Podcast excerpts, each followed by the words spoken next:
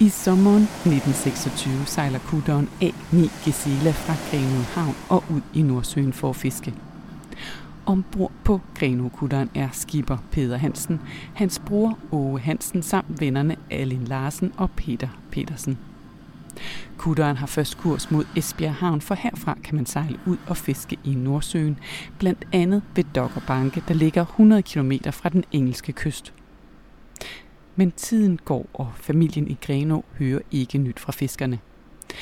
Derfor telegraferer Peder Hansens far til havnepladser i både England og Holland, men ingen har set dem. En kutter kan klare sig cirka 14 dage på havet, men så må den også i havn efter nye forsyninger. Og nu har Peder, Åge, Alin og Peter været borte i en måned.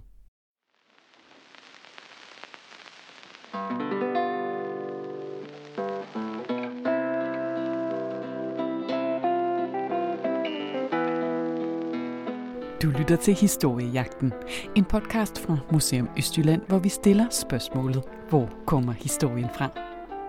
Inden du kan google svaret på et historiespørgsmål, har nogen nemlig gravet i mulden eller aflukket fortidens genstande deres hemmeligheder i laboratorierne. Mit navn er Lene Grundborg Poulsen, og her i Historiejagten inviterer jeg dig med derind, hvor ny viden bliver til. Og i det her afsnit skal det handle om den dramatiske fortælling om den forsvundne Greno-kutter.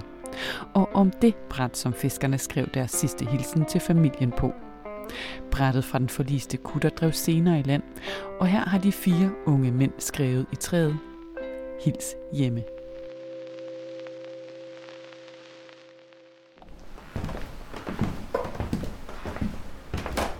Altså hvis man kan forestille sig et stykke af sådan et øh, gammelt gulvbræt, øh, måske sådan en halv meters penge, øh, og så er der ridset simpelthen nogle, øh, noget skrift ind i det her bræt.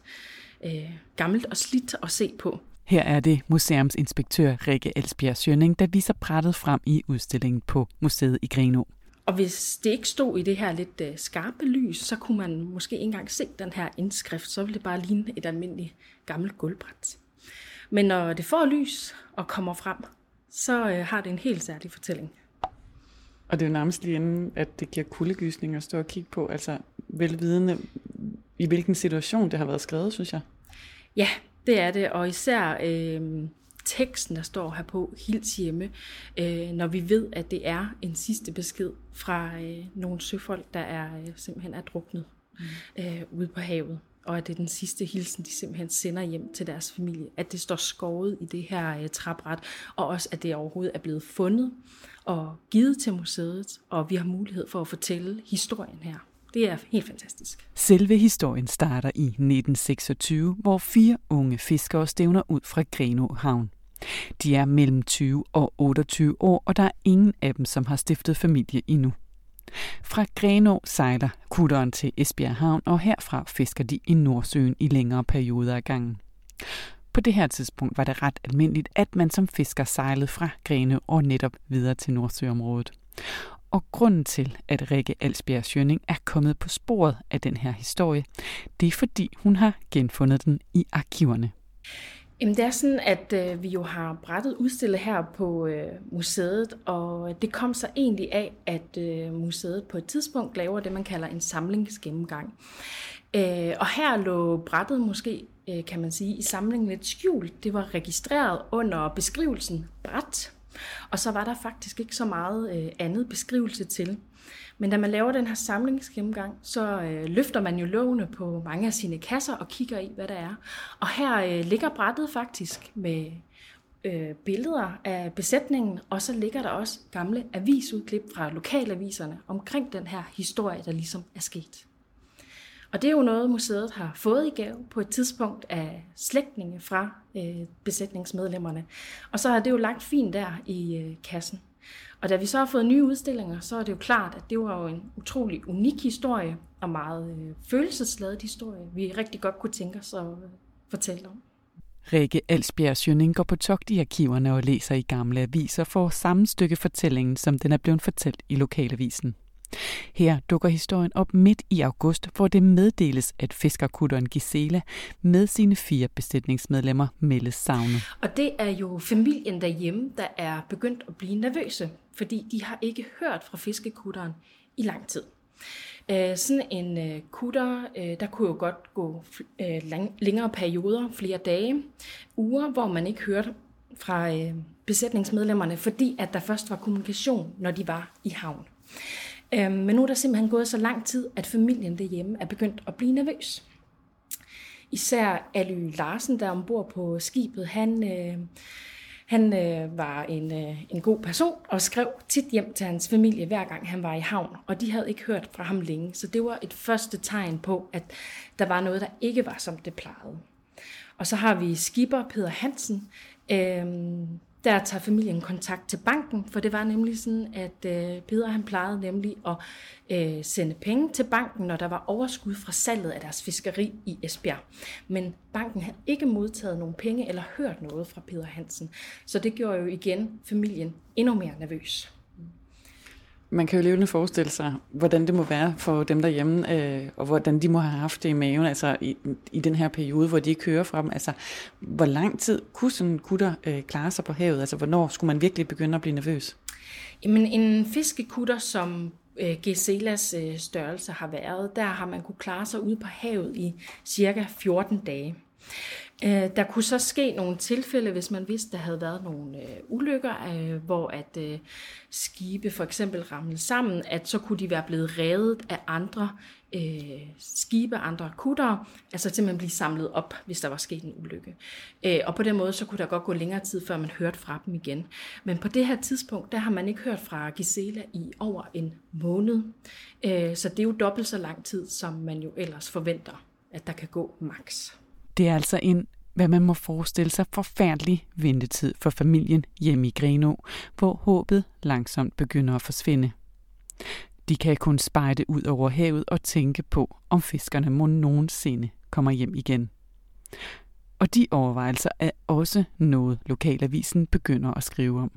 Jamen, i aviserne der begynder man at skrive om forskellige øh, teorier. Først omkring øh, de her med, at de måske har været ude for en ulykke, og muligvis kan være blevet reddet af andre fiskere ude på havet. Men de her teorier bliver efter bare et par dage i avisen øh, faktisk øh, lagt ned, kan man sige. Håbet øh, det forsvinder, og avisen begynder at omtale øh, besætningsmedlemmerne som omkommende. Øh, så på den måde så udelukker de ligesom det her håb. Og grunden til, at de gør det, det er fordi, at de ved, at man har forsøgt at tage kontakt til havne, øh, både selvfølgelig Esbjerg Havn, havne langs vestkysten, men også havne i England og Holland, hvor man vidste, at øh, Gisela og besætningen nogle gange kunne finde på at lægge til, når de fiskede ude i Nordsøen. Men ingen har set kutteren.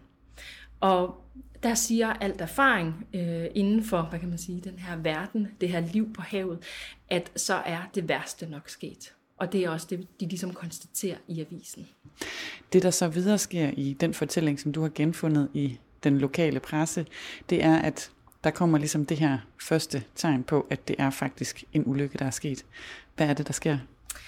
Jamen, der sker det, at øh, efter avisens første skriv omkring, at øh, kutteren meldes savnet, øh, så går der faktisk ikke så lang tid før, at, øh, at livet af Peter øh, Petersen driver op øh, ude på vestkysten øh, mellem Harboøre og Tyberon. Øh, I første omgang så kan man faktisk ikke genkende ham, øh, hans person, øh, og det er jo fordi han har været i vandet i lang tid.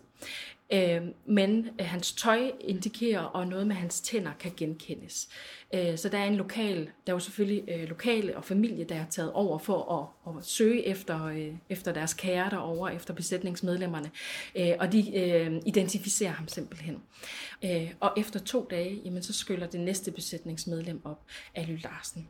Og på den måde, så bliver det jo bekræftet, at øh, de er omkommet i en ulykke ude på havet det er lang tid siden. Vi kan ikke spørge dem, og dine kilder er også kun, hvad kan man sige, den her lokale presse i forhold til at vide, altså, hvad har det egentlig betydet for familien, men hvis vi alligevel sådan, øh, skænker det en tanke og prøver at forestille os, altså, hvad har det betydet egentlig for familien, det her store tab? Det har jo været et øh, hårdt slag for familierne. Øhm, det er jo deres sønner, som er afgået øh, ved døden, øh, et stort tab. Og så har de jo selvfølgelig også haft, øh, ud over deres hvad kan man sige, menneskelige relation til deres familie, så har de jo også haft en økonomisk relation til deres familie. Så der kan jo også være noget i den her med, at man sammen som familie jo tjener penge.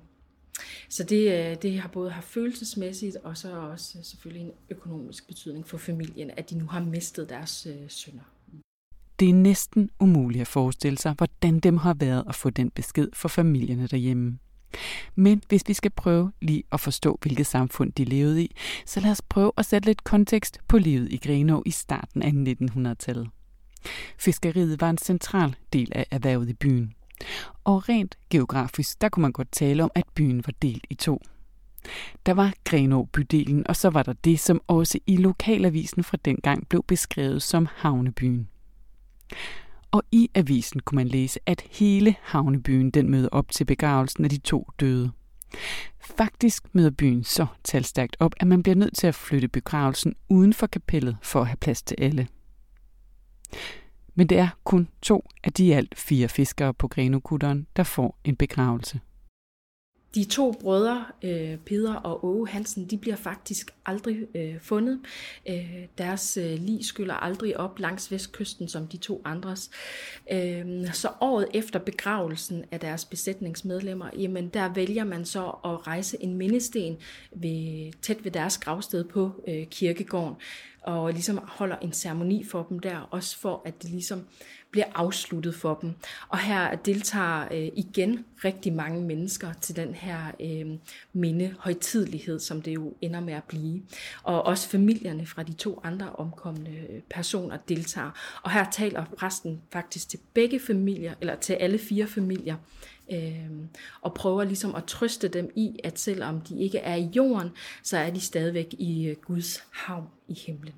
Det var altså museumsinspektør Rikke Alsbjerg Sjønning, som fortalte historien her. Og det gjorde hun på museet i Grenå, hvor du selv kan se brættet med den sidste hilsen i deres udstilling. Men fordi den her historie handler om havet og om havnen, så slutter vi altså lige af med lidt blæsevær i hår og mikrofon. For på havnen i Grenå, der mærker man tydeligt de kræfter i naturen, man er oppe mod, når man sejler på havet. Ja, nu øh, står vi jo hernede på Grenå Havn, og vi står faktisk i den gamle havnedel. Øh, havnen den er jo blevet meget større siden for 100 år siden. Øh, og det er lige heromme bag ved os i øh, bassinet herom, at øh, fiskekutterne de har lagt til, og Gisela også har stævnet ud fra, da de sejlede mod Esbjerg. Og til den anden side, bag ved havnen, op mod byen, jamen der har alle de her små fiskehuse lagt, og, øh, og det er her, at fiskerne og fiskefamilierne har boet og haft deres hvad kan man sige, egen lille havneby. Og der er blæs på hernede i dag. Vi er også sådan krybet lidt i øh, ly under et halvtag her, men man får jo virkelig den der fornemmelse af, hvor stærke naturkræfter der egentlig er på spil, når folk skal ud på havet. Ja, og det er jo det, man skal huske med det her med fiskeri, og også fiskeri for 100 år siden. Det her med at leve et liv og ligesom erhverve sig af havet, det var jo ikke uh, uden risiko. Øh, og det vidste man også godt, at den øh, risiko var der. Men selvom man har levet med den her øh, risiko for, at øh, naturkræfterne ligesom øh, tager ens kære, jamen, øh, så var sorgen jo stadigvæk lige stor, når det skete, også selvom det måske skete oftere end øh, hvad kan man sige, andre erhverv. Rikke, du har været i de gamle aviser og undersøgt den her historie og øh, virkelig kommet til bunds i den. Altså, hvad er det for nogle personlige refleksioner, det sådan har startet hos dig? Jamen sådan en historie her, den er jo meget øh, personlig. Det bliver den jo, når vi får de her navne på, og faktisk også når vi finder øh, billeder i arkiverne, både af kutteren og for de her ansigter på igennem fotos, og selvfølgelig også øh, ord.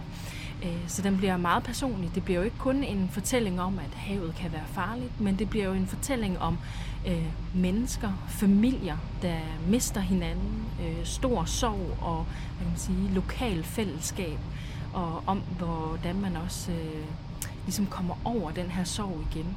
Det er noget af det, der faktisk fylder en del i aviserne, når de omtaler både begravelsen og mindehøjtideligheden. Det er faktisk trøsten, hvordan at familien skal komme videre, og hvordan at øh, nu hviler de her, øh, de kalder dem brødre, faktisk sammen i, øh, i himlen. Og hvorfor er det vigtigt for jer som lokalt museum at formidle en historie som den her? Grenå har jo en lang historie omkring fiskeri, og hele Djursland har jo det her lange kystområde, så det er noget, der helt tilbage til oldtiden har øh, haft betydning for, for det at være lokal på Djursland. Og her på Grenå har fiskeri øh, jo fyldt rigtig meget, og øh, det er jo vigtigt at have den her relation til de mennesker, der øh, hvad kan man sige, har trådt nogle spor før os, for at vi ligesom kan forstå os selv og forstå vores øh, omgivelser, og måske også forstå, hvordan man er kommet igennem sorg på forskellige måder, og forstå de tider, der er gået forud for os selv.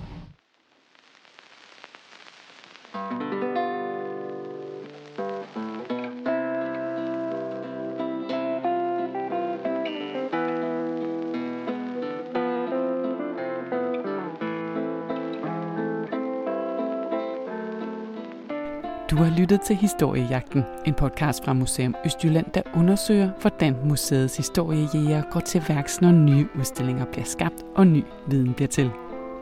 Og i næste afsnit, der skal det handle om unikke fund fra bundestenalderen, når vi søger svar på, hvorfor Djursland er og gennem mere end 100 år har været et sandt Eldorado for stenalderforskningen. Mere om det i næste afsnit.